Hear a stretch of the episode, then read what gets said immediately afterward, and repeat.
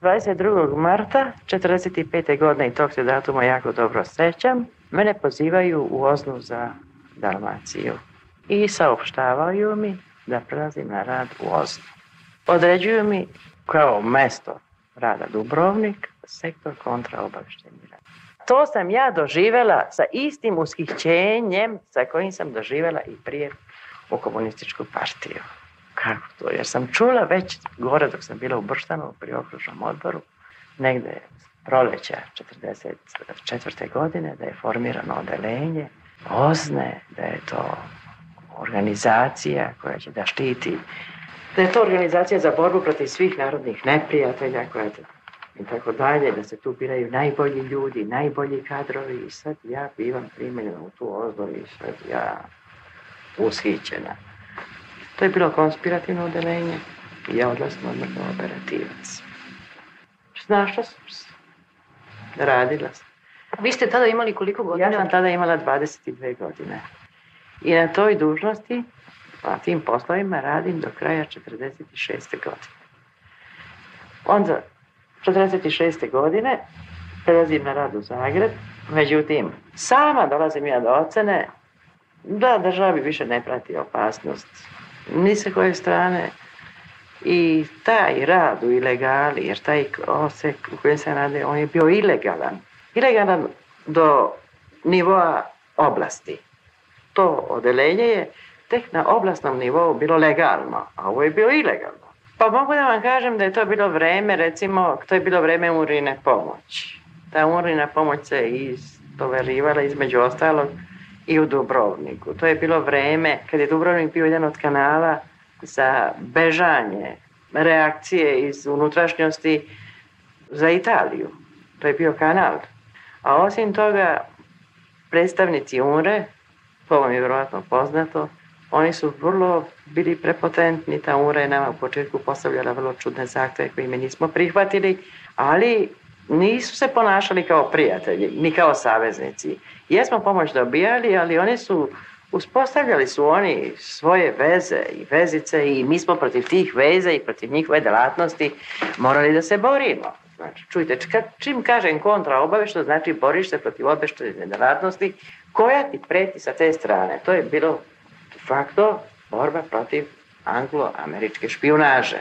Radili ste do 46. taj posao? Radila sam do 46. taj posao, onda pozivaju me na rad u Zagreb i ja u Zagrebu molim da se oslobodim dužnosti rada u Osni, smatrajući da više da je Jugoslavija dovoljno stabilizovala i da Ozna može i bez mene.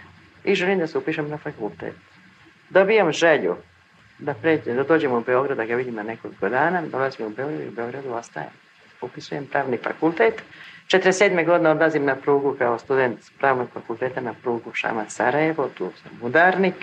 Kao udarnik bivam vrbovana, kako se tada govorilo, a sad bi se da lepo reklo, angažovana, za slušalca višeg privrednog kursa, višeg ekonomskog kursa Privrednog savjeta vlade PNRJ. To je kurs koji je organizovao drug Kidrić, da bi od proverenih kadrova, mladih proverenih kadrova, brzo stvorio jednu vrstu srednje rukovodeće kadra za privredu. Sad sam ja sa Ozdom prekinula sve veze. Jer Ozna je, čujte, Ozna je sve do 52. godine. Prvo Ozna, zatim Udba, to je bila vojna formacija. Pa, tera sam da se oslobodi malo te, i te vojne stege, i te konspiracije, i legale, i... Mlada sam bila, željna sam bila, malo više slobode, ne te vojne stege. Mislila sam, ja sam tada mislila sa Udbom ja sam svoj obol udbi dala i ja više nema i udbi i vojsci i ja, ja sam sad slobodan. Ja sam sad slobodan građanin. Međutim, negde u maju, toplo je bilo, u proleće 48. godine, znači još sam slušalac višeg privrednog, višeg ekonomskog kursa, mene poziva na razgovor u Udbu za Jugoslaviju pokojni drug Rolović, koji je tada bio pukovnik udbe za Jugoslaviju. Da li to Vladimir Rolović koji je ubijen? Vladimir Rolović koji je ubijen u Švedskoj. On mene poziva na razgovor, nemam pojma zašto me zove, i ja u prvo vreme mislim sigurno ga je interes neke informacije, možda negde na kursu nešto nije u redu, možda negde oko mene, možda nešto mogu da pomognem u udbi, jer sam neka udbi radila i tako dalje. Međutim, on mene u jednom malo dužem razgovoru upoznaje, saopštava mi kako Jugoslaviji predstoji sukob, tek sad joj predstoji sukob sa najžešćim neprijateljem. I kako je stoga Udbi potrebna kadrovska dopuna i obnova. I kaže mi da su tražeći ljude, da je on bio u kadrovskom odeljenju Centralnog komiteta Komunističke partije Jugoslavije, da je tamo pregledao dosijeja, da je iz mog dosijeja video da sam ja već Udbi i da po njegovoj oceni ja apsolutno uzmu treba da se vratim i da je on siguran da ja taj zahtev neću odbiti. Kako ste vi doživjeli e, reči Rolovićeve da predstoji tek sukup sa najžešćim neprijateljem? Sad ću da vam kažem. Prvo mi nije jasno, prvo sam, posle sam dugo, dugo razmišljala.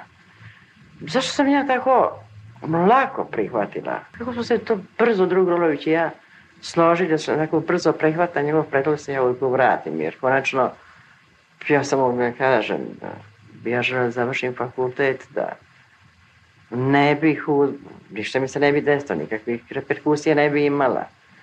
Uvijek sam ja bila borat, da sam član partije, mislim, o tome sam mnogo, mnogo razmišljala. Onda sam shvatila u jednom momentu da je mene drug Rolović strašno posjećao na Tita. Strašno je posjećao na Tita. To je bio razlog što sam prihvatila. A ovo, kad mi je rekao da nam da Jugoslaviji tek predstoji sukup sa najžešćim neprijateljima, ja kad sam izašla, meni se ulica Miloša Velikog sa svim onim platanama vrtela, rekao, najžešći neprijatelj. I ja sam vrlo brzo i jednostavno protumačila da nama predstoji jedna snažna imperialistička ofanziva na Jugoslaviju. Rekli ste malo čas da Sjerolović jako mnogo potiče na Tita. Kakav ste vi tada odnos imali prema Titu? Šta on za vas predstavljao? za mene već kao skoje. Sećam dana kad sam prvi put pročitala na jednom letku ime Tito. I kad sam Savki Dapčević, ona je bila moja intimna prijateljica u to vreme, kad sam rekla, Savka, znaš ko rukovodi Narodno-slobodačkom vojskom i pokretom? Tito, neki Tito, Tito moje ime. Za nas je, tada sam prvi put čula za Tita, od onda, pa kroz rat, kroz svo vrijeme rata, ne za mene, za skojevce, za članove partije, Tito je bio sinonim slobode, sreće, sinonim budućnosti, sigurno sretne budućnosti. Tito je bio sve. Dobri on skupljeno. Ja nastavljam kurs i završavam kurs, a dogovor je kad se kurs završi, tako mi je družo Rojić rekao, odmori se mesec dana, odlazi u Split, kaže 25. augusta se javi upravi za kadrove državne bezbednosti Saveznog sekretarijata. I 25. augusta ja se javljam i vidim da tu nisam sama ja od kursista, jer mi to sad krijemo. Mi, mi mislim, on je onda meni rekao, nemoj nikom da govoriš ili verovatno o tome ništa. I sad ja vidim, na jedan put nas je tu petoro ili šestoro kursista od žena, drugarica Rada, ova koju je pominjala Jovanka Lebl neki dan, koja je bila na Golom otoku, vrlo fina jedna vrlo fina devojka, Bokeljka, ona je bila prvoborac, ja nisam prvoborac, i ja. A ovo ostalo sve muškarci, ja pa nije. E sad, mi ne govorimo ništa šta se u međuvremenu desilo. Negde pri kraju kursa, odnosno nije negde, znam se tačno kad, 28. juna, uveče, posle večere, mi kursisti sede, sedimo u velikoj sali i zna se, sluša se radio Beograd. I na jednom speaker najavljuje da će biti pročitana rezolucija Kominforma koja je upravo objavljena. jedan vrlo lep sonoran glas čita tu rezoluciju. I nego među nama nastaje jedno užasno komešanje. Muškarci počinju se dižu sa stolica, mi se zagledamo. Čuda psihoza među nama. Recimo, ja sam doživela čitanje rezolucije. Moja prva ideja bila, a mi smo bili u Kosovskoj ulici, a vrlo blizu je radio Beograd. Moja prva ideja bila Neko je upao u radio Beograd. Neprijatelj je upao u radio stanicu. Šta je ovo? Kakve su ovo optužbe? Šta? O čemu se radi? Ne shvatate, rečenice teku, optužbe teku, ali vi uopšte ne shvatate o čemu se radi. Te kad je rezolucija pročitana, onda je nastao jedan, prvo jedan veliki buk, onda smo mi počeli o tome ne da razgovaramo. Totalno zbunjeni.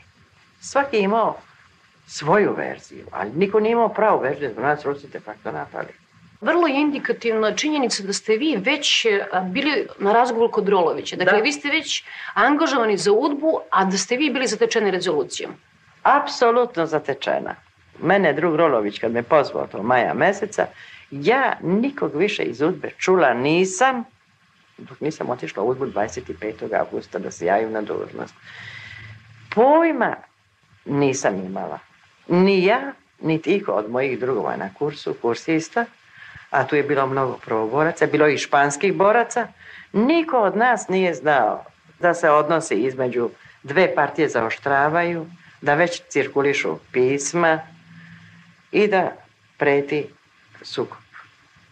Mi o tome pojma nismo imali. Da li zamerate što vam nisu rekli? Jako zameram. Mislim da bi daleko manje tragična uopšte 48. godina bila. Ne samo što zameram što meni nisu rekli, što nama nisu rekli, nego zameram što je partijsko članstvo u celini bilo zatečeno. Jer samo rukovodstvo je bilo upoznato s tim. A partijsko članstvo je, pa bilo je zatečeno.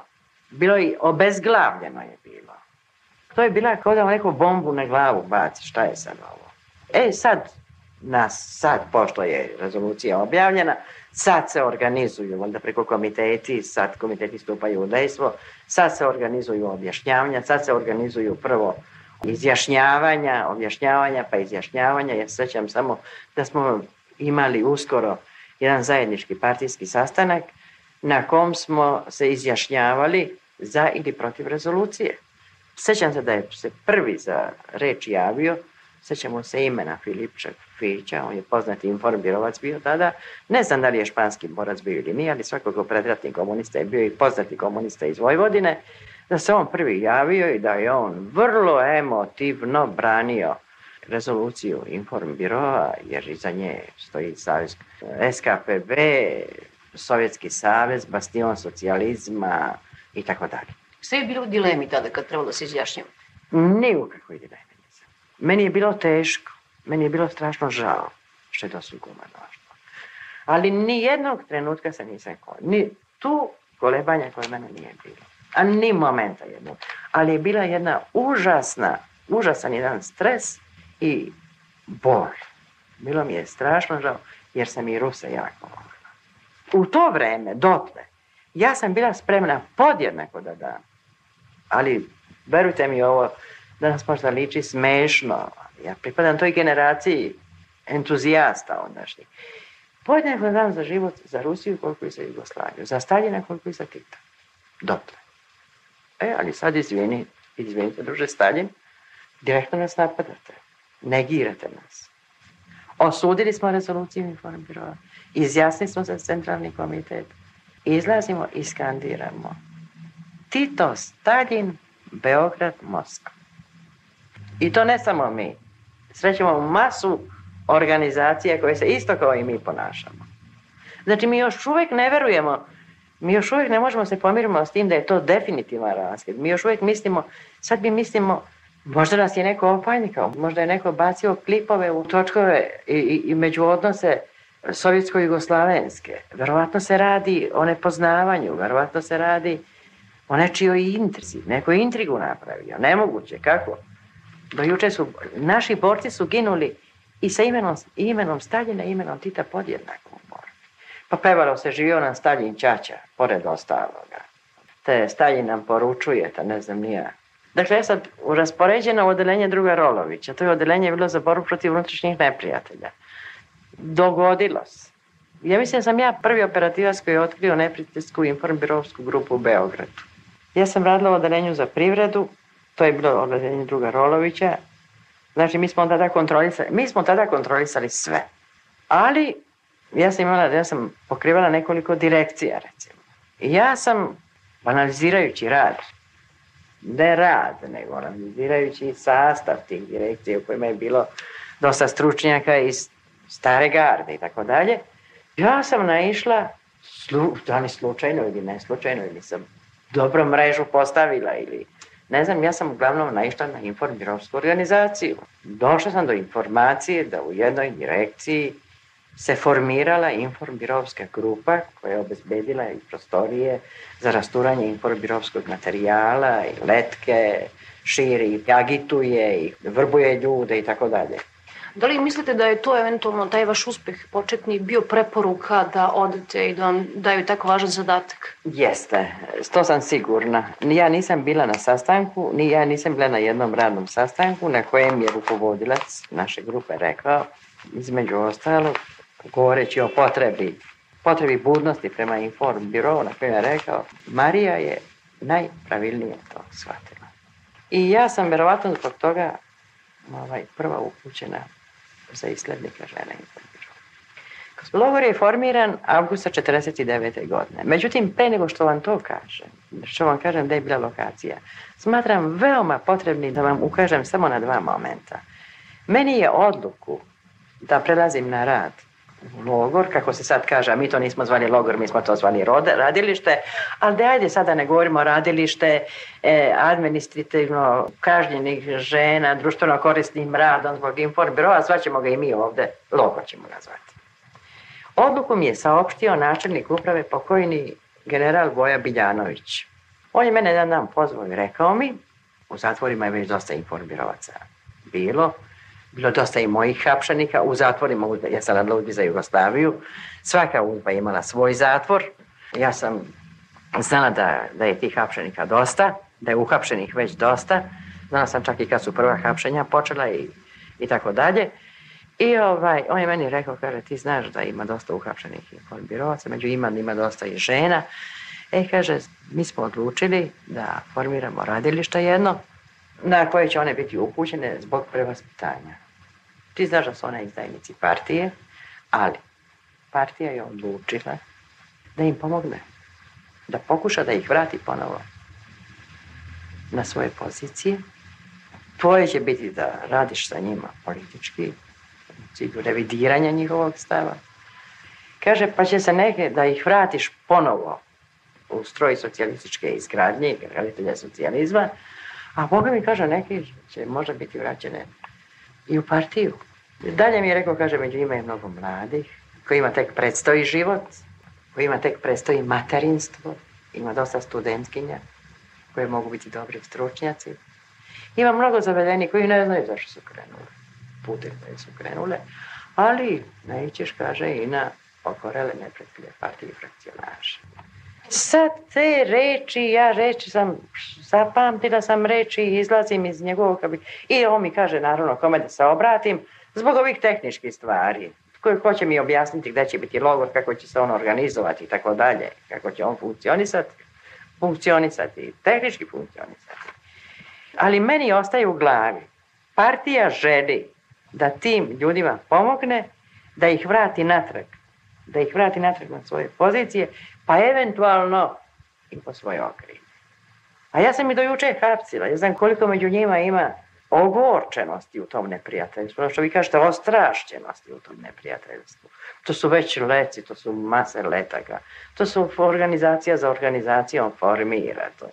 Pokušaj bekstva. Meni je pobegla jedna studentkinja, za četvrt sata mi je pobegla iz Kragujevca prebegla u, u Bugarsku. Četiri sata kasnije, četiri sata ranije stigla u Kragujevac, uhapsila je. I posle je vrlo istaknuta informirovka u, Bugar, u Bugarskoj je bila. I sad na jednom, znaš koliko su, koliko su oštri ti informirovci, koliko su neprijateljski raspoloženi prema partiji, sad znači to odvratiti sad, sad si ih eliminisao iz društva, e sad treba da ih vraćaš ponovo, ponovo negdje ih da vraćaš na Da li ste vi tada verovali da žene koje su se izjasnili kao informirujke ili za koje su se smatrao da jesu, da je neophodno da budu smeštene u logor ili radilište, kako ste vi to tada zvali. Da li je bilo potrebno izolovati? Pa, Svakom. A, sva, a, prvo, da li smatrate, ne, ne razumem pitanje, da li je potrebno hapsiti ih? Ne, da li vi smatrate da je bilo potrebno da se organizuje to radilište ili logor? Hm, do tog razgovora sa Vojom Biljanovićem ja o tome uopšte nisam razmišljala. Ja nisam imala prosto vremena da razmišljam. Ja sam radila svoj posao, a šta će dalje biti s njime, nisam imala pojma. Ja sam verovatno pretpostavila da će one biti suđene, valjda. Da će one biti suđene, će ići na izdržavanje kazne. E sad, sad mene na epot ovo, mene su šokirale reči ove Biljanovića. A zašto su me šokirale? Jer To, ovaj razgovor se vodi avgusta, četir, negde početkom avgusta 48. godine, 49. godine. A samo nekoliko meseci pre toga, 13. maja 49. godine, na godišnjicu dana državne bezbednosti u domu garde u Topčideru, u dupke punoj sali, nas uzbovaca, Tito i čini mi se čitavo rukovodstvo Jugoslavije, partijsko i državno, prisustvoje toj našoj proslavi i između ostalog, prvo je drug Barko govorio o uspesima u likvidaciji za zaostataka bande. Aleksandar Ranković. Aleksa, da, mi smo ga zvali Marko, da, Aleksandar Ranković. On je govorio o uspesima koje je postigla i govorio također kako smo se i sad sukobili sa informbirovom i tako dalje. I posle njega je znam da je uzeo reč drug Tito, da je uzeo reč Tito koji je rekao Drug Marko je bio preskroman u iznošenju rezultata vašeg rada. Dalje šta je govorio, ne znam, ali je poenta ovo. Kaže, međutim, drugo, i vi ste se sada sreli sa našim najopasnijim neprijateljem. Vidim da ste ozbiljno shvatili svu opasnost koja od njega preti, žestinom sa kojom ste ušli u okršaj sa njima, tom žestinom i nastavite borbu sa njima. Mislim da nikad, nigdje Titov govor nije, nije frenetičnije pozdravljen nego tada u domu garde. Muškarci, heroji, junaci iz rata. Ovo je vrlo nezgodno što ja govorim, ali to možete na mnogo mjesta čuti i pročitati da je vrlo pažljivo vršen odabir ljudi za udbu. Govorilo se kao najbolji, najverniji, najodaniji, najčišći, najčistiji komunisti bivaju upućeni na rad I sad najput vidite tu masu tih muškaraca koji frenetično skandiraju. Ja znam da je tu bilo i polobljenih stolica, zašto su skakali na te stolice da plješ? I onda se prolomilo, duže ti to mi se kunemo. I sad, posle ovog razgovora sa Vojom Biljanovićem, i meni stalno prisutno to Tito, vi ste se seli sa najžešćim neprijateljem, sa najopasnijim neprijateljem, a s druge strane sa taj neprijatelj, sa tog, od tog neprijatelja treba da praviš ponovo prijatelja, da ga vraćaš na pozicije partije, pa čak idealno zamišljeno da ga vraćaš u partiju. I u sad i ti tražiš to, ne, znači, znači humanost, pruži im ruku, pomozi im da se izvuku iz blata i ja odlazim na posao. Prva lokacija tog logora je bila Ramski rit. To je jedna ekonomija u blizini između negdje između Požareca i Gradišta, u samom graničnom, u strogom graničnom pojasu. To je ekonomija koja je pripadala ženskom požarevačkom kaznenom popravnom domu. Tu su za nas napravljene barake, dole barake u Žici, ograđene barake za žene, nekoliko baraka, ja ne znam koliko, tri, četiri barake, i van Žice barake za nas iz uprave. To je bio avgust mesec 49. godine, u upravi smo tada bile. Drugarica Zora Korać, to je jedna drugarica koja je isto iz Udbe za Jugoslaviju, međutim ona je rada negde u tehnici udbe, ona je bila ličanka, ona je bila prvoborac, ona je upravnik bila i ja kao isled i vaspitač. Moje istraga i moje prevaspitanje. Znači, moj, ja sam ta koja treba, po rečima druge, druga Voje Biljanovića, trebala od njih nešto kao da, da pravim, da napravim. Da, A njih je bilo izlači. koliko? Ja ne sam, mnogo je vremena prošlo. I meni se učinilo da ih stravično mnogo ima. Ali meni se učinilo kad je pet fašista što me hapsi da ih je došlo 30. Ja računam da ih nije moglo biti više od 300 do 400. Vi ste dakle tada bili islednik, kako kažete, i vaspitač. Kako ste vi shvatili svoju ulogu? Šta je bio vaš prevashodni praktični zadatak kada su one u pitanju? Kad su one u pitanju, moj prevashodni zadatak je bio da ja njima lepo objasnim da je put kojim su one krenule pogrešan. Da ih razuverim da su one u pravu. Da ih ubedim da to što one čine, da je to istraja. Da to nije nikakav doprinos nekakvoj međunarodno, nekakvom međunarodnom internacionalnom revolucionarnom pogledu da je to naprosto izdaja svoje zemlje i svoje partije. Da su one izdajnici i da im se pruža prilika da i mi, time što smo ih doveli tu, da i mi pružamo priliku da se oni te svoje izdaje rasterete. To je bio moj zadatak. Praktično, da. kako je to izgledalo?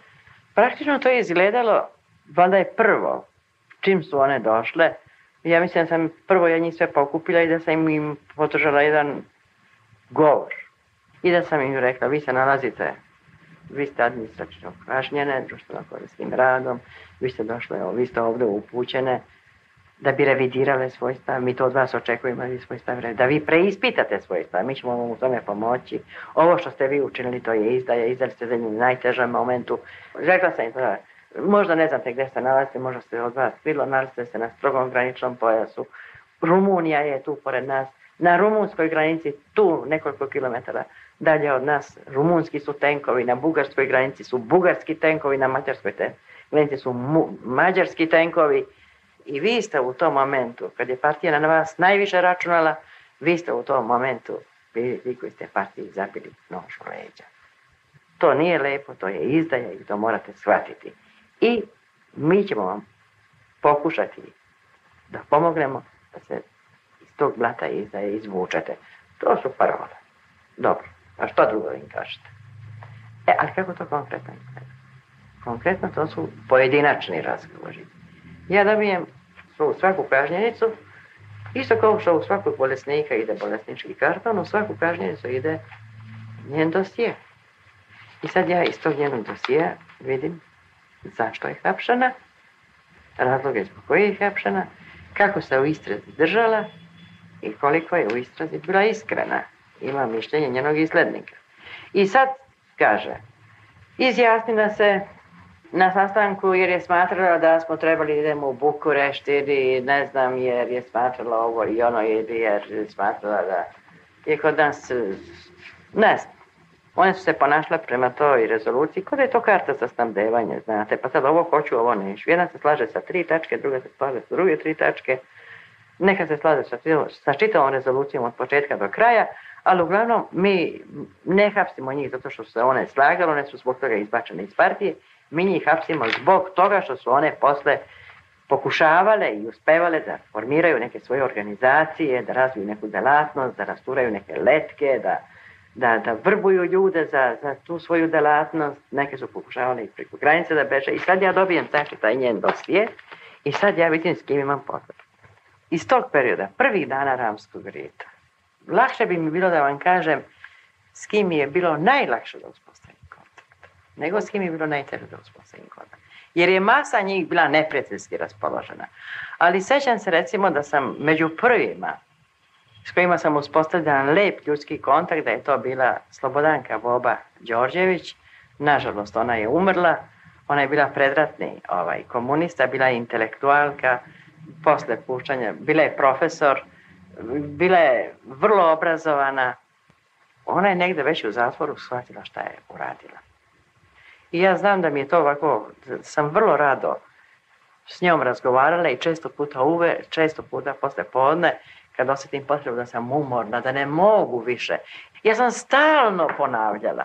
Meni je bilo vrlo važno da njima utuvim da su one izdajnici, da, da shvate, da ih nateram da misle na tu svoju izdaju. Ja sam to stalno ponavljala vi ste izdajnici partije, vi ste partiju izdale, vi ste izdale kad je najteže bilo, vi ste partiju izdale, onda kad je trebalo da joj pomognete i posle tih napornih razgovora u kojima je bilo, izvinite, bilo je žena koje su bile i bezobrazne, ja sam bi onda osjetila potrebe i pozvala bi Slobodanku Bobu Đorđević da dođe na razgovor.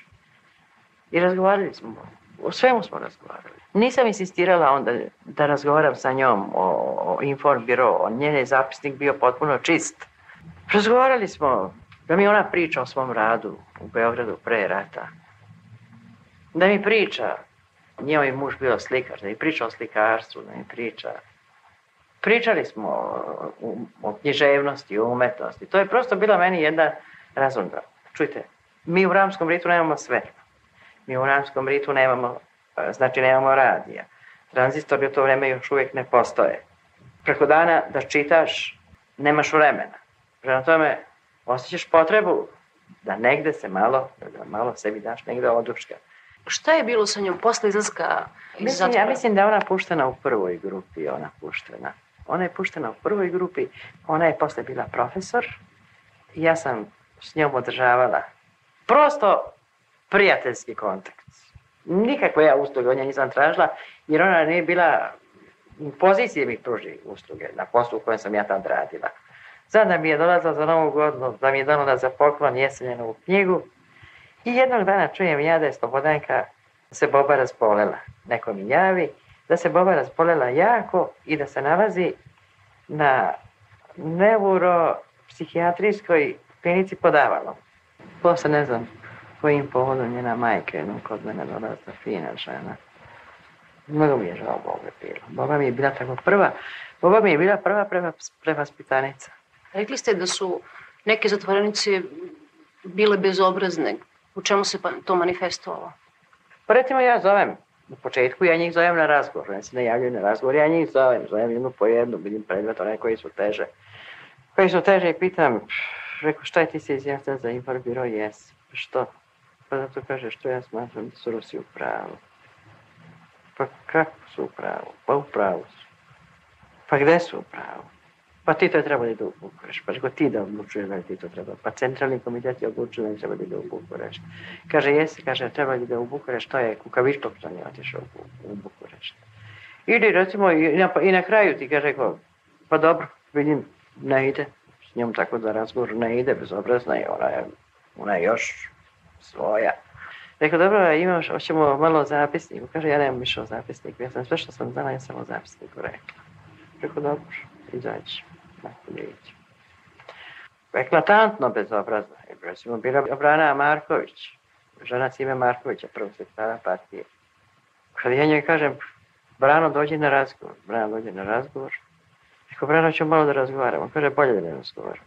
Kako bolje da ne razgovaramo? Pa ljudi smo da razgovaramo to. Nemamo mi što da razgovaramo. Ti, na ti vas, nema na vi ništa.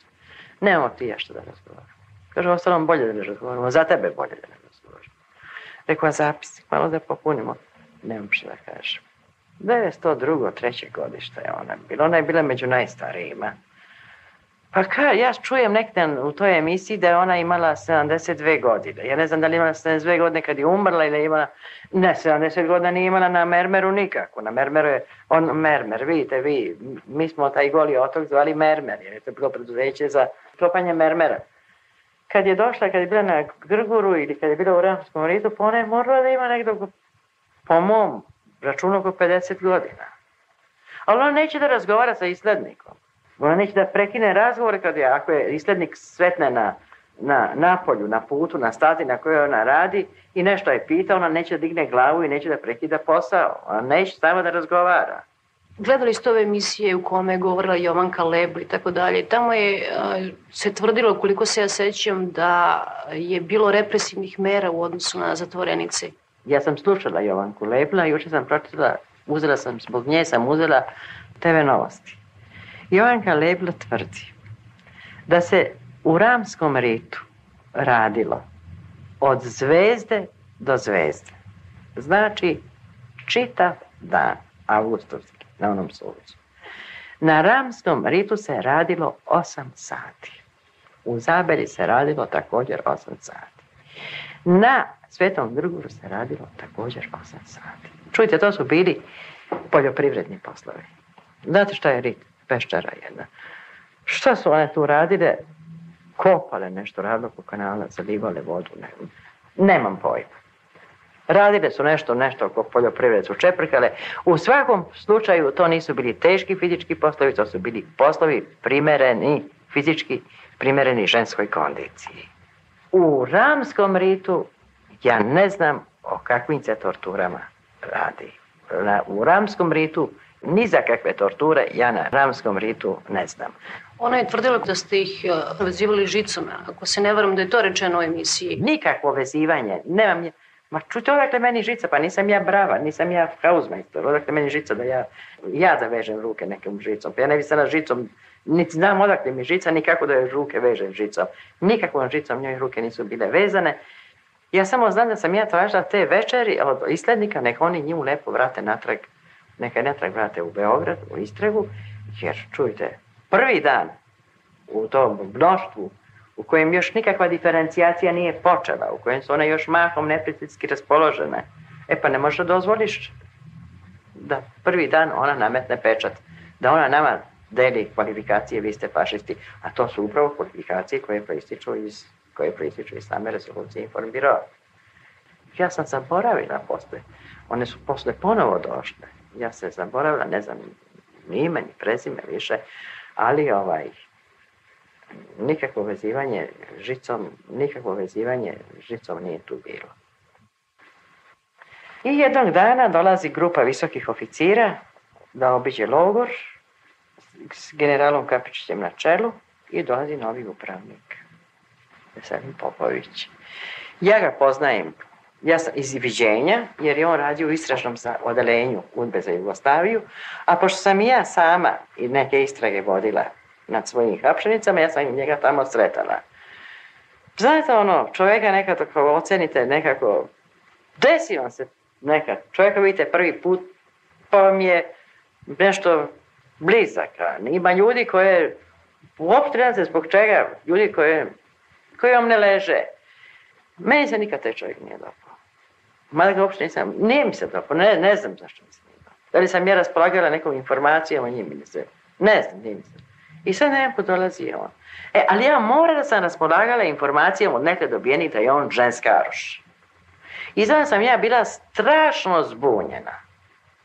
Otkud on na kolama? Otkud on sad među... Otkud, zašto on ovde sad?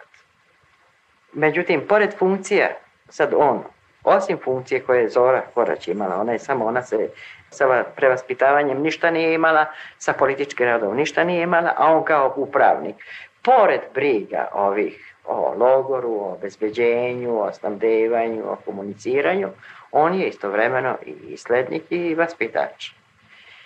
Na ramskom ritu još, pazite, mi smo svega dva meseca bili na ramskom ritu. Do prvih jesenjih jakih kiša, jer to su barake. Vidite koliko se vodilo računa o tim ženama i koliko Čim su počele prve jesenje kiše, nas upravo prebacuje, uzba nas prebacuje u Zabelu. Zabela je muški kazdeni dom i tu se oslobađa jedan paviljon, potpuno odvojen od ostalih muških paviljona, oslobađa se jedan paviljon za nas žene. Dok su u ramskom ritu bile drvene ovaj, barake, ovo je divno, ovo je solidna zgrada sa vodom, sa tuševima, mislim da su i krevet u Ramskom ritu su spavali na boksovima, na stanovima su kreveti. Sasvim drugi. Lepo uređen kru, kuhinje. I mi sad, znači, kad smo se prebacili, malo smo bili u tom ramskom ritu i o ramskom ritu, o nekoj jačoj diferencijaciji većih razmera, ja o ramskom, ja nisam ramski rit po tome zapamtila. Ta diferencijacija počinje negde snažnije da se ispoljava, odnosno da se možda tek ispoljava u zabeli. Za Veselina Popović, samo da se vratimo, dakle, za Veselina Popović se čuli da je, kako kažete, bio ženskaroš, a s druge strane sumnjali ste sve vreme u njegovu, njegove političke motive. Kako je u njegove političke motive sam počela da sumnjam u Zabeli. Onda gde smo, sad gde smo svi bili zajedno. Ne samo sam sumnjala ja u njegove političke motive. U njegove političke motive su na kraju posumnjale i same kažnjenice. I kažnjenice su posle njegovog bekstva tvrdile kako su one od prvog dana znale da u upravi postoje dve linije. Jedna linija, to je linija Marije Zerić, to je linija centralnog komiteta i druga linija je Veselin Popović, to je linija Kominforma. Ja, kako sam ja njega osetila u Zabeli, da on apsolutno nije na pozicijama partije da je on neprijatelj. To sam ja osjetila po nekim njegovim istupima. Recimo, Jovan Kalebl kaže neki dan da je on govorio šta ćete na slobodi, na ovdje vam je bolje nego, bolje vam je ovde nego na slobodi. Ja sam to osjetila prvo prema njegovom odnosu, prema vaspitnom radu. Za njega je bilo recimo bitno da se formira folklorna grupa, da se formira hor, pa je onda, molim vas, formirao neki zečarnik tamo, neke kuniće, neke... Pa je sa žkažnjenicama provodio uveče slobodno vreme tamo, pa su oni gledali te kuniće, šta su te kuniće gledali. Pa onda je uveče, sazove ih, skupi ih sve u jednu veliku salu, on se razbaškari ovako, s jedne strane na čaru sale stane, puši, a sve one druge dole u kažnjenice, da mu pevaju sevdalinke, da mu pevaju ljubavne pesme, njima oči užagde mlade devojke, mlade žene, lišene mislim ličane slobode pre nekoliko meseci, onda ne insistira na zapisnicima, ne insistira, uopšte im se ne obraća politički, ne traži od njih, nijaka, nikad nisam čula da je on od njih tražio da, da je on, on apelovao na njih da, da urade nešto, da pokušaju da se same urade nešto, da se oslobode te svoje izdaje, da se oslobode i zatvora, da što pre na slobodu i tako dalje. Masa je tih njegovih istupa bila, masa sitnih njegovih istupa je bila koja je u meni apsolutno stvorila uverenje da je on sigurni informičavac. Zašto to niste prijavili nadležnim vlastima? Ja sam odlazila iz Zabele, tri puta sam odlazila na referisanje u Beograd. Prvi put sam odlazila kada je trebalo da pustimo prvu grupu, a prvu grupu smo, pazite, pustili 29. za 29. novembar. Znači, došle su avgusta, 29. novembra je prva grupa Kaprenica puštena. Koliko je ta grupa bila? Da je bilo 40, 50, 70 ili 35 ili ne znam žena. Uglavnom, to je bila jedna grupa koju sam ja otpratila. Ne znam zašto, je trebalo da ih ja otpratim do železničke stanice Beograd, valjda zbog nekih isprava ili ne znam zbog čega, ali ja sam išla i na referisanje Voji Biljanoviću. I ja sam tada već bila odlučila da postavljam pitanje Veselina Popovića i njegovog moralnog lika i njegovog političkog opredeljenja. I sa tom namerom sam ušla u kancelariju. I ja sam sve rekla. Voje Biljanović me pitao kako je dole, šta je dole i tako dalje. Sam sve to govorila. Ali ja nisam imala snage. Meni je ponestalo snage da o Veselinu Popoviću razgovaram. Jer sam ne budu da se pa dobro, s čime ćeš ti to da dokumentuješ? A radi se oficiru, major je bio. I ja se vratim. Neobavljena posla. Još dva puta sam išla u Beograd. Znam da sam išla dva ili dva ili jedno. U februaru, u mesecu kad smo trebali da pustimo jednu grupu. I mi se ne složimo, on predloži jednu kažnjenicu i ja se s tim ne složim. Rekao, ne, po mom mišljenju ona nije zrela za puštanje. A ta kažnjenica je vrlo često odlazila kod njega na raport, tako se zvao odlazak na razgovor kod uprave. Vrlo često odlazila kod njega na raport i ja sam osetila njegovu veliku bolećivost i neku čudnu vezanost između njih dvoje. Znate šta, ja ću vama reći ime njeno, ali ne bih ovde pominjala ime, možda je ona danas majka, možda je, ne znam da li ne bi bilo lepo da je pomenem. Osjetila sam da tu nešto nije u redu, apsolutno. I rekla sam, veseline, ja se s tim ne slažem. A primetila sam još nešto, da neki čudan odnos prema nekim ženama ima. Jedan odnos, nenormalan odnos. Mislim, neuobičajen odnos kažnjenik, upravnik. Inače, one su njega obožavale. Ove. Rekla sam vam, su postojile dve linije i kažnjenice su se diferencirale na te dve linije. Kod mene su na razgovor i na dopunu zapisnika i na razgovor dolazile žene koje su tele da promene svoj stav, koje su tele da se oslobode inform koje su tele da dopune svoje zapisnike i koje su žele da izađu na slobodu. Žele su da izađu na slobodu one druge. Ali one druge koje su kod njega odlazle, njih su ove moje zvali banda. I tog dana, februara, to kad sam se ja vratila iz sredstva referisanja.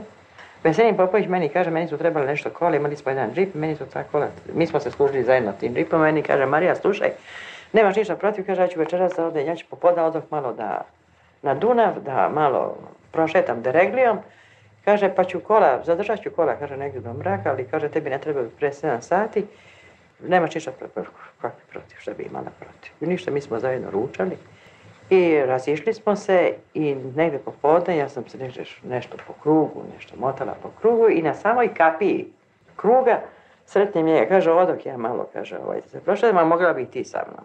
Rekao, ne bi veselila, ja sam umorna, ja sam došla jutros iz... Ja sam jutros došla iz Beograda, ja sam umorna, ne bih. I ona od...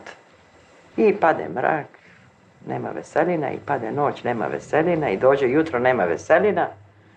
Čuj, nema veselina i nema veselina i ja odem u požar jer Veselin je pobegao ovim ženama iz ministra. Veselin je pobegao i odem u požarevačku udbu i javim ovaj udbi za Beograd. Rekao, Veselin juče popodne otišao da lovi na Dunav, međutim nije se vratio, ja mislim da je on pobegao. I kad sam to rekla, mene uvati užasan strah. Rekao, gospode Bože. A da, Šofer se vratio uveče. Šofer je njega čekao do ujutro. Ni šofera, ni njega, ni... Šofer je se vratio ujutro i kaže, pa nema veselina. Je otišao, kaže, i veselina. Nema ga, ja ne znam, kaže, šta da radim, drugog upravnika nema. I mene ovati tak užasan strah, rekao, otkud sad ja da proglasim čoveka prebegom, major Udvej. Međutim, uveče dobijemo informaciju, tačnu, preciznu informaciju od graničara kako je on prešao taj Dunav, on je prešao u Rumuniju. Prešao je u Rumuniju jer je pozajmio brod, odnosno deregliju, od svog prijatelja, upravnika kazneno-popravnog doma.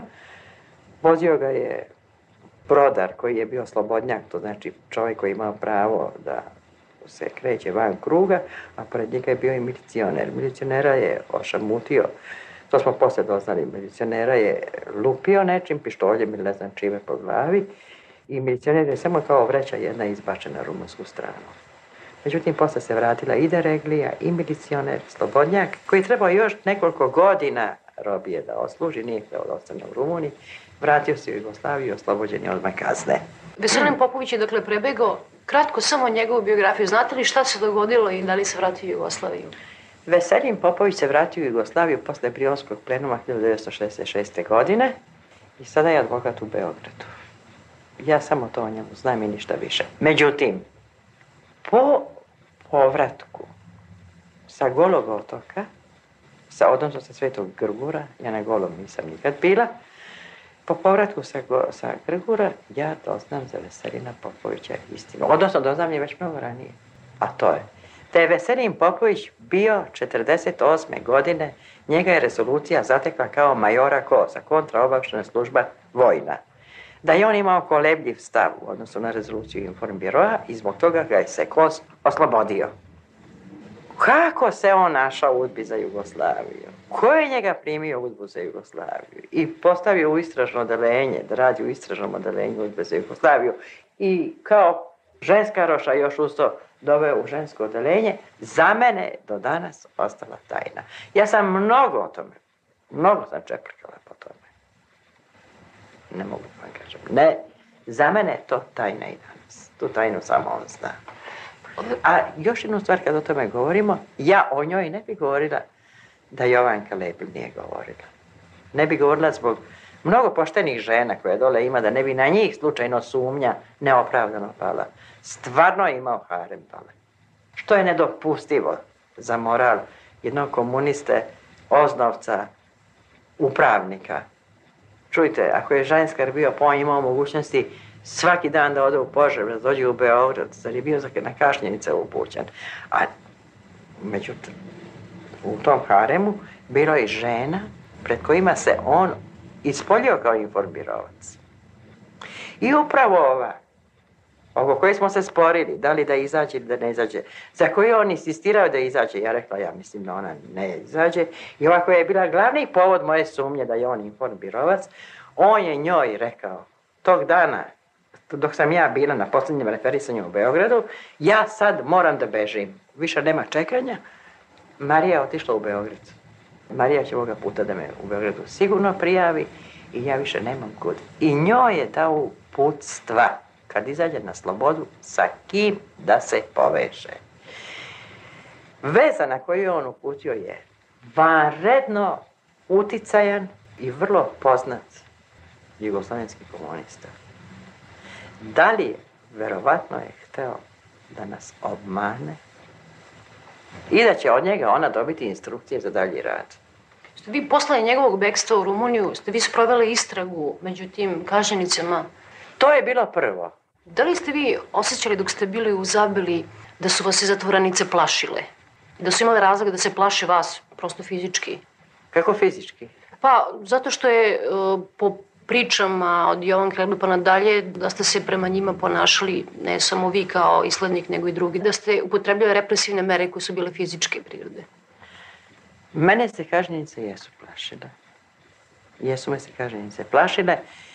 Plašile su me sa ove koje još nisu revidirale stav. Plašile su me se, znam Ali kad govorite o represivnim merama i o, da li su me se fizički plašile, ja nikoga nisam ošamarila. Ja nikad fizičku meru ni prema jednoj od njih nisam primenila. Ja sam bila vrlo stroga prema...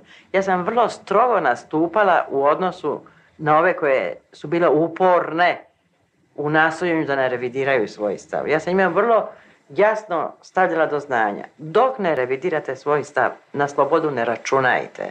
To je ružno što ću sad reći, jer sam ja na golom otoku govorila. Pa ostavit ćete kosti ovde, ovdje, nećete izaći odavde. Nema izlaska na slobodu dok ne revidirate stav a da bi revidirali stav, dajte najpre dopunite se svoje zapisnike. Bez toga vam slobode nema. Na osnovu čega ste vi zaključivali da je neko revidirao stav? Da li na osnovu verbalnog iskaza, recimo ja sam sada za Tita, nisam za Staljina, kako ste vi odlučivali ko je definitivno, po vašem mišljenju, zreo da dođe na slobodu, koji još to da ostane? Ja sam to zaključivala prvo po zapisniku njihovom. To je bio prvi, to je bilo osnovno, to je bio prag dok ona ne prekine sve veze sa, dok ona ne raščisti sve svoje veze sa informirao, dok ona ne otkrije sve svoje veze sa informirao, dotle o revidiranju njenog stava nema govora. O tom njenom verbalnom, na to verbalno izjašnjavanje ne daje nikakvu važnost tom verbalnom izjašnjavanju nisam davala. A onda, i njen odnos, znate, znači, prvo dopuni zapisnik, pa onda odnos prema radu, pa odnos prema nama, pa odnos prema koleginicama, pa masa elemenata tu. Teško je to opisati na osnovu čega ste... Pa onda njeno druženje, s kim se ona druži. Da li se druži sa revidirkama ili se druži sa onima koje nisu revidirale ili lavira između jednih i drugih. Ili bilo je tu i mutljavina i prelaze s jedne strane na drugu stranu i tako dalje relativno često pomenjamo Jovanku Lebul, prosto zato što ona najsvežija slušalcima i da, gledalcima. Da, da. Ona je tvrdila da je osuđena kao informirac na osnovu jednog vice koji je ispričala o Josipu Brozu. Čujte, ja se predmeta Jovanke Lebl ne sećam. Ona je bila uhapšenik Beogradskog odelenja. Verujem da njen prestup nije bio veliki. Možda je bio i samo taj vic. Recimo da ste vi bili uh, njen nislednik, da li biste vi na osnovu tog vica smatrali da je potrebno izolovati nju? E, sad se moramo vratiti malo u 48. godinu. Danas taj vic ne znači ništa. Danas je taj vic naivan. Međutim, 48. 48. godine, vic, odgojili smo ljubičicu belu od 100 kila. Odražavao je, za mene bi on odražavao odnos prema Titu. Nije Tito tada bio lično za viceve. Nije on bio podesna lično za viceve. Tito je tada bio sinonim borbe za slobodu, za nezavisnost, protiv vazalstva. Za biti ili ne biti Jugoslavije. Ja recimo takav vic nikad ne bih to ispričala. Za mene bi u to vreme taj vic već bio pokazatelj određenog političkog raspoloženja. Međutim, nisam, ne verujem da bi je hapsila zbog toga. Ne verujem da bi je hapsila zbog toga mada se za tog vica mogla otići u zatvor šest meseci. Ne bi je kaznila. Samo po svemu u njenom ponašanju ima, upravo je samo u jednoj stvari što kaže da sam ja ostala još na golom otoku, ona ne bi bila izašla onda kad bi izašla. To je sigurno. Mislim, ja je ne bi bila još pustila. Mislite da nije bila... Pa nije bila zrela za puštanje. Apsolutno nije bila zrela za puštanje. Šta je promenilo u životu u logoru i šta je opredelilo dalje sudbinu tih zatvorenica i vašu sa stanovišta tog bekstva Selena Popović? Da li se pa, nešto bitno promenilo? Bitno se izmenilo. Prvo izmenilo se, promenili smo lokaciju. Izabele sad selimo na Grgur. To je otočić do Golog otoka. To je negde u bespuću onog Varnerskog zaliva, go otok, nešto malo manje go nego Goli otok kamen bez vode, opet bez svetlosti, opet bez radija, opet potpuno izolovano ovde, bar nekad možeš da odeš do Požarevaca, pa prošetaš one, prošetaš one dve ulice, pa nešto ovde, potpuno odvojeno od sveta. A osim toga, sad tek dolazi do strašno brze diferencijacije, raslojavanja tih informbirovki i sukoba među njima. Jer dok je Veselin Popović bio u Zabeli, on tu diferencijaciju nije dozvoljavao. Ona se vršila, ali se vršila nekako tiho, da je on baš mnogo i ne primeti. Vi tvrdite da goli otuk, odnosno Sveti Grgur i, i kamen nije bio predviđen za žene? Apsolutno nije bio predviđen za žene. Za žene su bili predviđeni poljski radovi, lakši poljski radovi u Požarevcu. Za žene je to bilo predviđeno. Međutim, kad je upravnik pobegao, Pa vjerojatno uprava e, i u ovi drugovi udbi se nastavio.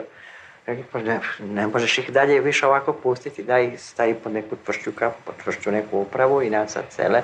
I treba nas seliti, jer čujte, mi smo stalno krili, stalno se krilo to mesto ovaj, logora. Recimo, kad sam ja išla u Ramski rit, meni je drug Voja Biljanović rekao, slušaj, nikome nemoj da otkrivaš lokaciju gde ste. Dugo se krila i lokacija i golog otoka. I sad ja tvrdim da za žene goli otok uopšte nije bio pre... Da je bio predviđen, oni bili istovremeno kad su muški goli otok, kad su pravili barake, oni bi napravili, jer je Grgur bio prazan, nisu morali da ga iseljuju, da ga iseljavaju. Za žene je bio predviđen daleko lakši posao, primeren fi, ženskoj fizičkoj kondiciji. One, sasvim bi im drugčija sudbina bila. Niti bi bilo kamena, niti bi bilo te užasno bolne diferencijacije koja je nastala posle veselinog bekstva. I sad vi na jednom imate jedno užasno haotično i nesređeno stanje. Pobegao je upravnik, ostavio je svoje veze. Veze su mu ostale u zatvoru. Te veze treba otkriti, te veze treba raščistiti i te veze treba i sa tim vezama se treba konfrontirati. A te veze su žilave, te veze su uporne. Te veze se nisu javljale. Na, pa da kažu, znate, i meni je Veselin to rekao i to mi je rekao i ja sam bila njegova ljubavnica sad nastaje teško vreme za žene. I možda ima istina o tome. Nisu one krive što je veselim pobegao. Nisu one krive što je Veselin pobegao. Ali ipak su one platile ceh što je veselim pobegao. Plata sam ga ja, jer bi u februaru bila otišla kući. I ne bi imala trauma golotočki. Molim vas, kad kažete traume golotočke i sa ličnog stanovišta, probajte da vidite i sa stanovišta zatvorenica. U čemu su se sastojale te traume? U čemu se sastojala ta surovost golog otoka i kao lokacije i kao režima posebno u odnosu na zabavu? Prvo, lokacija je stravična. Go otok. Go nenaseljen otok. Sa drvenim barakama. Otok nema vodu, voda se donosi cisternama barake drvene, mrak, sunce koje žari, bura koja dere, koja prosto stvara u čoveku beznađe. To je ta psihička strana. Lokacije. A sad s druge strane, sad dolazi do snažne suzbijane, u početku suzbijane konfrontacije, difer, sad dolazi prvo do snažne diferencijacije koju je Veselin Popović kočio.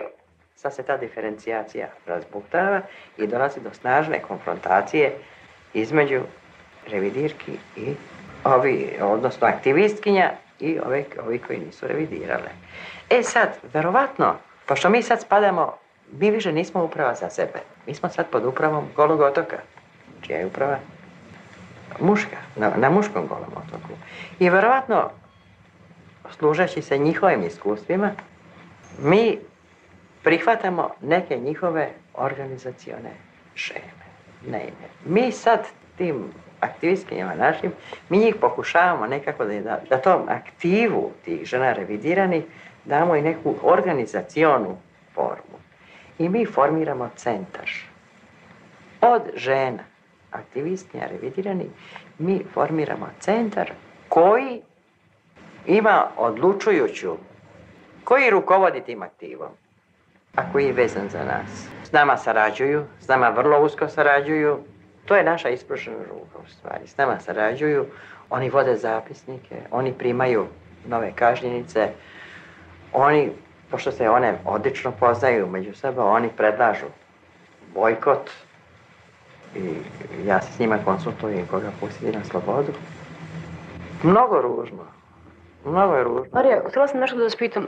Kako su izgledali kazne, najoštrije kazne koje su se primjenjivali? Pominje se često bojkot, izolacija, zatim topli zec i tako dalje. Šta je primenjivano? Ne, topli zec, to je topli zec, to je termin sa muškog golog otoka.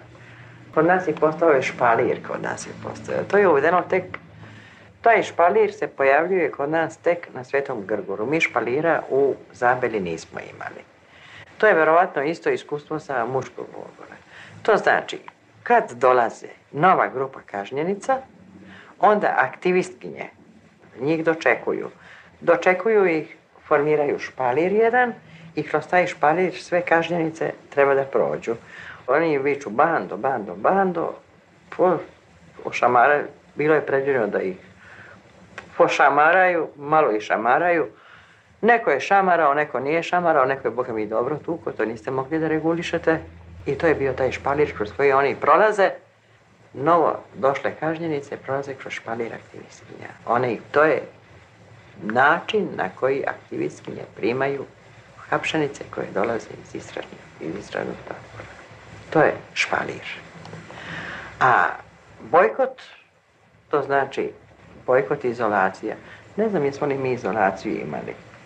Izolaciju u smislu u kojoj je muški motok imao, mi to nismo imali. Tamo, ne znam, pominju neke žice, neke Petrove, žice Petrove gore, ne znam, nije nešto pod zemljom, mi to nismo imali. Ali imali smo, recimo, bojkot, bojkot, ona je bila Brana Marković. Znači, s njom niko ne može da razgovara. Mada je Barana tvrdila da ne, nije ona bojkotovana, eto i to je njen bezobrazluk isto bio, što je istina bila, kaže, niste, ne bojkotujte vi mene, bojkotujem ja vas, ja s vama neću da razgovaram kašnjenicama i govorima i tako dalje. Bojkot znači niko s njom, nema, niko s njom ne razgovara, jesu je vređali, znam da je nosila ovde neku tablu, ja sam izdajnik, ne znam čega, i ona je osuđena na teži rad, ona je radila duže, te žene pod pod bojkotom i te žene prema kojima su primjenjivane najteže kazne, one su radile najteže poslove. To znači one su nosile kamenje. Pa valjda su kamenje nosile sve, međutim nije se samo kamen nosio.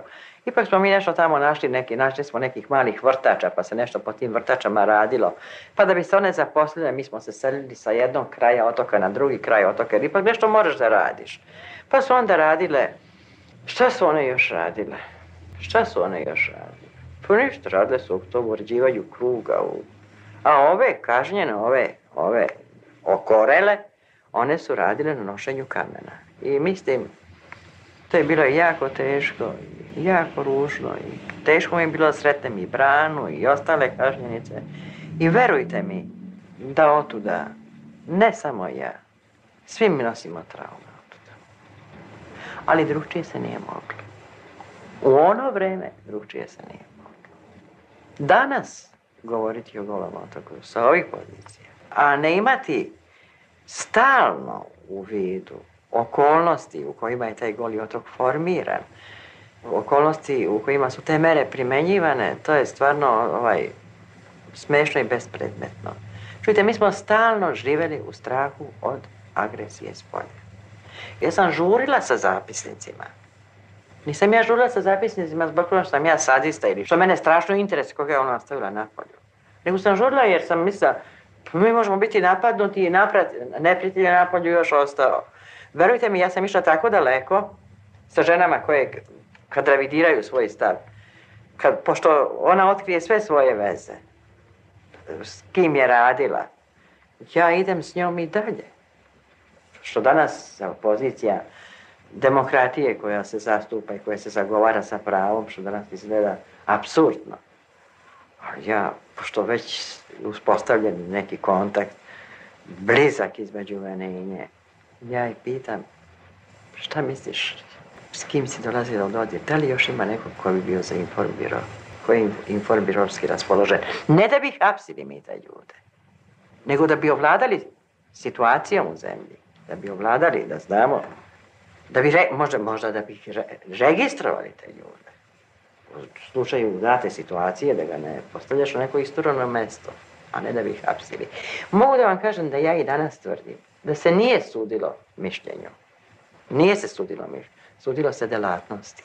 E sad, različiti kriteriji pri hapšenju su bili. Recimo, ja sam imala slučaj jedne devojčice od 14 godina. Bosanka je bila. Ona je bila sestra jednog udbovca. Brat njen je molio drugove da je uhapse i da je pošalju u kazneno popravni dom. I ja sam dobila jedno pismo. Zašto je molio? Molio jer ga je bilo strah. Kaže, počela da, počela da lupa. Počela je njemu da prebacuje da kod nas nema diktature proletarijata, da to nije ono zašto su, zašto su se komunisti borili.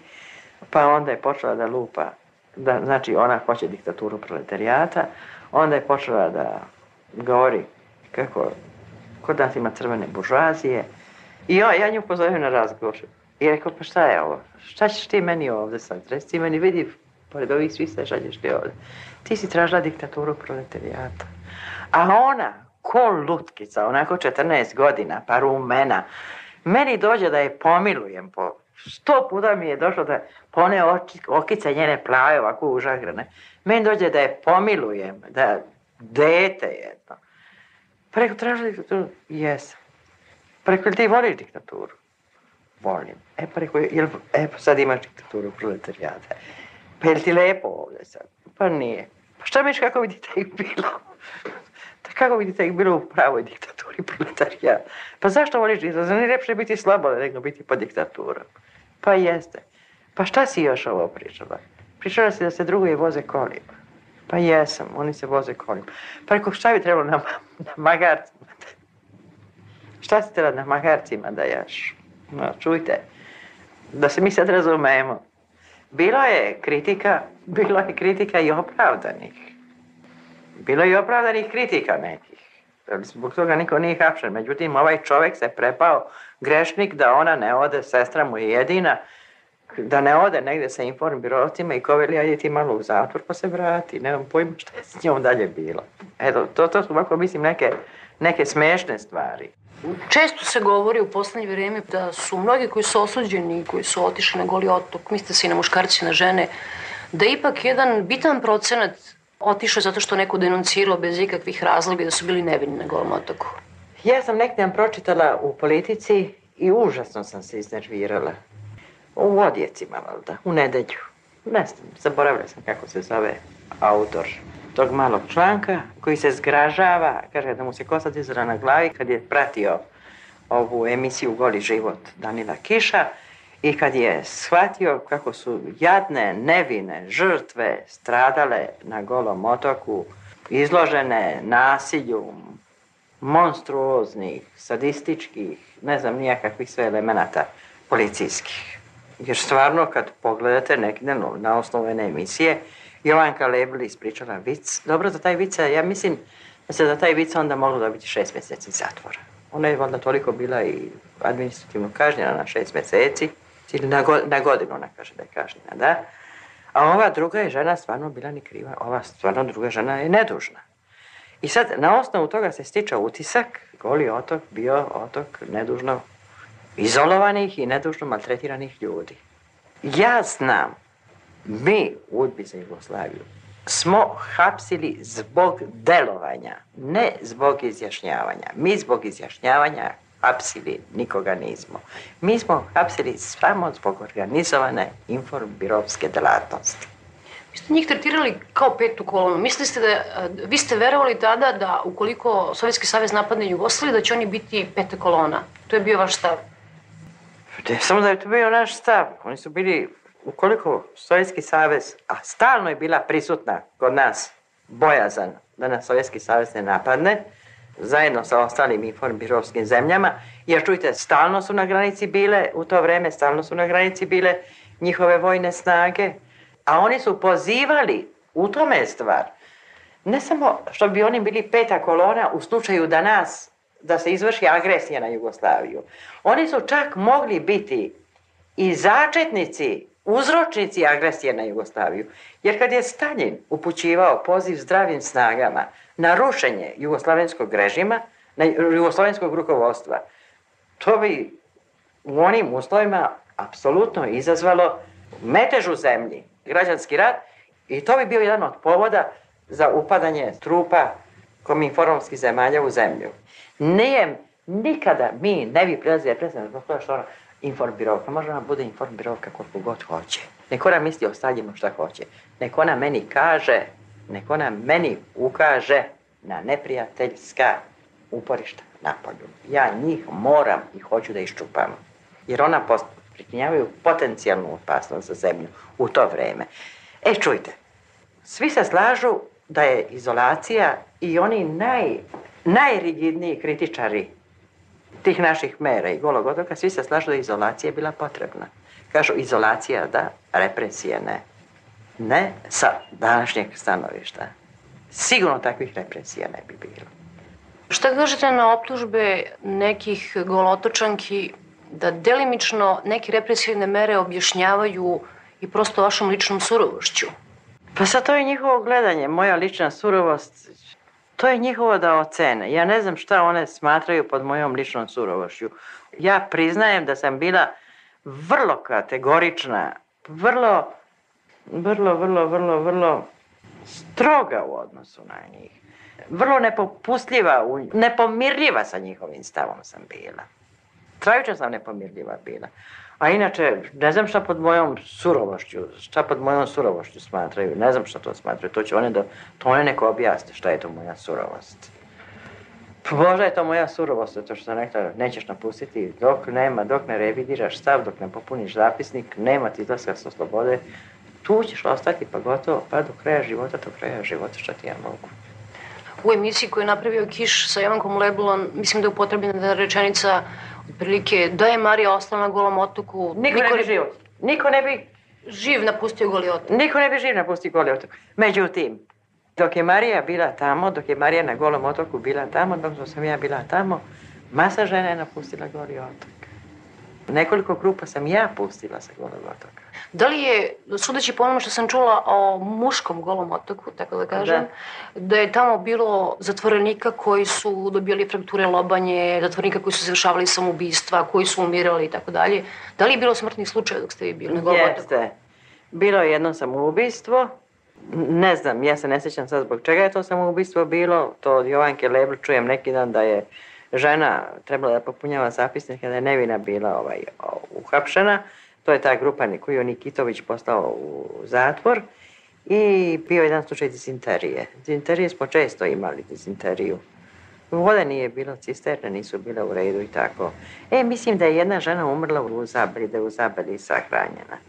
To nije veliki broj, ali šteta i to, mislim. Šteta i svaki život je šteta. Molim? Svaki život je šteta. Ja verujem da je, ovaj, ja verujem da sam ja bila surovija od drugarica koji su posle mene došle. Iz prostog razloga sam ja živela u surovijim, što sam ja radila u surovijim uslovima. Ja sam ušla u logor. Ja sam njih prihvatila. Za moje vreme započeta i diferencijacija, i sukobi, i organizacija, i Ja sam bila u vreme najjačeg naleta informbirova na Jugoslaviju. Ja sam bila od perioda od 49. do 51. godine. Što god je vreme više prolazilo, sve je više taj proces. Informbiro je jenjavao. I to je normalno da su uslovi da su ove druge mogle biti tolerantnije od meni, da recimo drugarica koja je na kraju bila ostala sa njih 20, da je mogla čak da im preporuči da se i mažu, jer one skoro izlaze na slobodu i tako dalje. Što ja nisam mogla da radim sa njih 500 koliko sam im primila, od kojih prvi dana samo sa jednom mogla da razgovaram. Ja sam bila oštra, rigidna sam bila. Nisam drugčije da mogla. Jednom kada smo razgovarali, jedna moja koleginica sa Tempom, sekretar Bukumunić Tempo, i još neko je bio od visokih političara, tvrdili su da mnogi ljudi u visokom političkom rukovodstvu Jugoslavije nisu znali za Goli otok i za, za Sveti Grgur. Koliko je to čuvana tajna? Da li je moguće da neko u centralnom komitetu ili u, u vladama nije znao za goli otok i za Sveti Grgur? Ja mislim da za goli otok su morali da znaju. Iz prostog razloga što je u borbi objavljeno pismo. Oni su morali da znaju da su informbirovci negde izolovani. Iz prostog razloga što je borba objavila pismo u kojem se informbirovci odriču informirova. Znači, oni su negde. Da li su oni znali lokaciju, ja to ne znam. Isto kao što su znali da su i žene izolovane. E sad, ja mislim da se oni svi ograđuju od toga da nisu znali za metode koje su primenjivane na Golom otoku. Verovatno nisu. Nisu bili na Golom otoku, pa ili se nisu interesovali, ili se nisu zainteresovali, ili... Verovatno se o tome radi. Inače, da oni nisu znali da postoji, pa možda se pitaju gde su ti informirovci koji su pohapšani toliki. Pa i oni su imali svoj, i, i njihovih poznanika, izvinite, bilo je ministara iz Crne Gore, iz eh, crnogorske vlade, i to poznatih ministara koji, koji su nestali iz javnog života. Pa bilo je funkcionera mnogo iz Bosne i Hercegovine, pa je bilo, bilo ministara iz Srbije, iz Beograda, iz Federacije, pomoćnika ministara, nije moguće da njih nije interesovalo gde su ti ljudi nestali. Prema tome, znali su da su ti ljudi izolovani. E sad, za metode koje se tamo primenjuju, to možda i nisu znali. Ma da, naj, najjednostavnije i najpopularnije je uvek sve, mislim, svaliti na policiju i gotovo. To je najpopularnije. Udari po policiji i tačka da je tada u vašoj porodici široj ili među vašim bliskim prijateljima imalo nekoga za koga ste sumnjali da je informiraoc, da li mislite da biste ostali dosledni čvrsti ili biste pravili tu neku vrstu kompromisa? Sad ću vam reći nešto što mi je jako bolno. Kad sam se vratila sa informbiroa, moja mlađa sestra se zaljubi u jednog informbirovca koji je bio pomoćnik ministra ne znam čega u Srbiji i žaljubi se. I ona meni to saopšti. I ja decidirano njoj postavim. Ili on, ili ja. I ona se bez dvoumljenja opredeli za mene. Što izmeni potpuno njen život.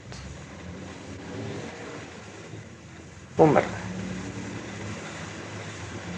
Ne zbog toga, ali umrla. I izmeni njen život u pežorat. To je jedno. Drugo, kad smo u početku pitali ovaj, kako sam javila sestri i tako dalje, ja sam otišla i kod svojih rođaka, kod svoje rodbine ovde u Beogradu. Imala sam rodbinu i otišla sam i jedna od mojih rođaka mi. Kako me dočekala ujutro, kaže, šta je ovo bilo? Pa rekao, ja i došla zbog toga. A ona kaže, e, Boga mi neće tako. E, sad ćemo... Riba smrdi od glave. drugim rečima, riba smrdi od tita ja lepo sednem s njom i razgovaram i razgovaram. To je bila 400, to je bilo, ona nije, ni, ona nije bila član, ta nije bila član partije. Ja lepo sednem s njom i fino je razuverim i razubedim i žena. A pitali ste me da li bih ja Šta da je neko moj bio da je neko, informirovac? Da je neko vaš blizak bio informirovac, da li biste se, i u to bili uverni, da li biste se odlučili da i njega pošaljete na Goli otok, odnosno tamo gde je Zabel ili negde drugde? Pa prvo ja ovako Ja sam o tome mnogo razmišljala. Vrlo sam često razmišljala o tome kako se muž odriče žene kad je ovaj, ona inform birovka ili obratno. I onda kad posle, tada nisam bila udata, ali posle kad sam bila udata, kad sam bila u braku sa Veljom, onda sam razmišljala, pa Bože, eto da je sad ovo inform biro i sad da je Velja recimo inform birovac, I tu meni odmah misli se prekidaju. Pa ne može Velja da bude informirovac. Ako bi Velja bio informirovac, ja bi bila onda informirovac. Oboje bi bili informirovci.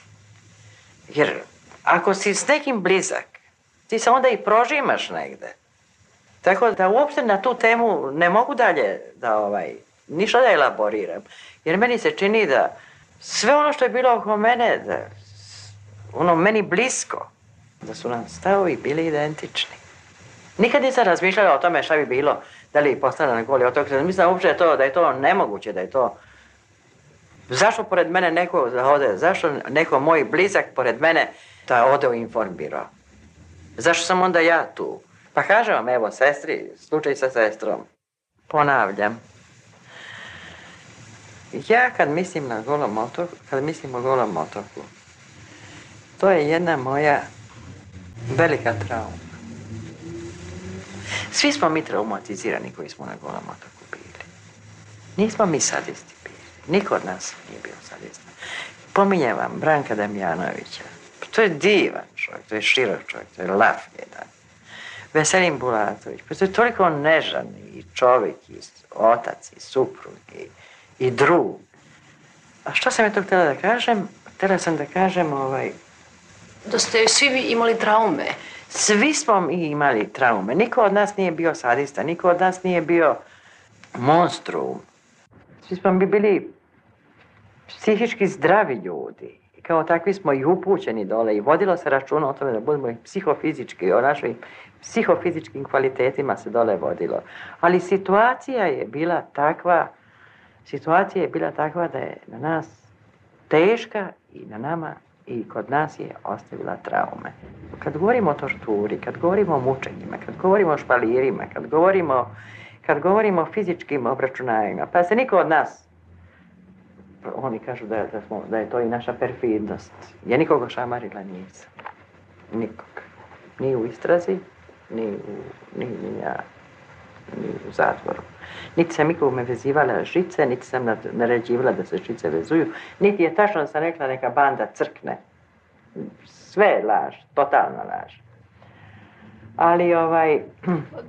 Pomenuli ste, eh, smatraju, optužuju vas da je to neka vrsta perfidnosti jer ste prevaspitane indirektno upućivali eh, da budu surove. Jer u tom smislu perfidnost. Da, oni ne kao niste to radili vi, nego ste vi to, to ste vi prepuštali drugima. Mi smo u toj diferencijaciji i u tom njihovom sukobljavanju pri diferencijaciji. Mi smo postavili određene granice do kojih se sme ići, ali nam se često dešava da nam se situacija izmiče iz ruku, izmakne nam se situacija iz ruku i tu su se dešavali najgore stvari, tu se dešavala ta ta grozna batinanja, tuče, šta ja znam iz obličenja da te majka ne pozna i tako dalje.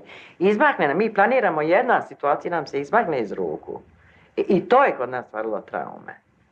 I svi smo mi na neki način traumatizirani zbog toga. Hoćete da kažete da ste i vi koji ste bili islednici i s druge strane zatvorenice bili žrtva političkih okolnosti i vremena određenog?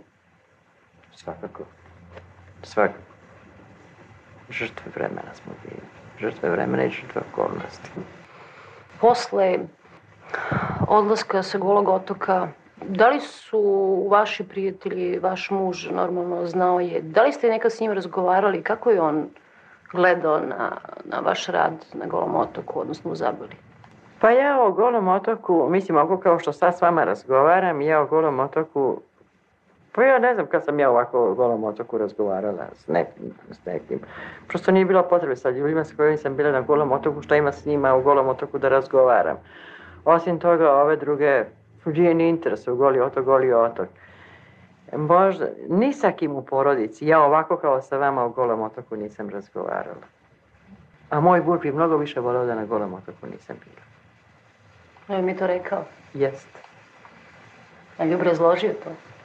Pa zbog, mo, zbog mene to, kaže, zbog tvog mira, zbog tvog e, nervnog sistema, zbog tvojih nerava, bolje bilo da na golom otoku nisi bila.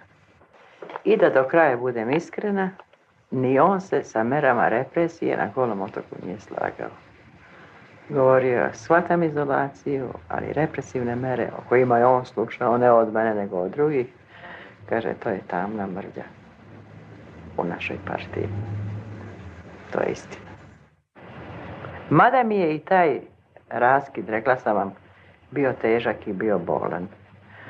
Ali 66. godina Brionski plenum sam daleko teže.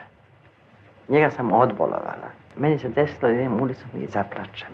Leto je bilo. Brionski plenum se održava i sad posle njega održavaju se, ne znam, neki republički plenum, plenum Srbije, ono leto, otvoreni prozori. Televizori trešte sa svih strana, deformacije udbe, samo deformacije udbe, deformacije udbe, prisluškivanja. Pa još onda kad čujem ove, kad čujem ove, ove, ove, ove, ove šiptare, ove šiptare, te Veli Devu, te Džavidani Manije, te Fadila Hođu, te Bože sačuvaj napad. Grozno. A najgrozniji mi je bio napad na druga Marka, na Aleksandra Rankovića. Jer ja Žankovića i Tita nisam razdvajala. Meni se to činilo kao da je to dva tela, jedna duša. I sad na jednom doživjela sam napad na Rankovića kao klevete. Kao laži i klevete na Rankovića. A mi koji smo udbi radili, mi smo najbolje mogli da osetimo koliko je beskrajno veran i odan Ranković bio Titu. I sad na jednom se na njega na njegovu glavu sručuje ta lavina kleveta. I to sam strašno bolno doživjela. I ja sam zbog toga odmah tražila, posle nekoliko mjeseci, Mišković nam je bio ministar, tražila sam prijam kod njega.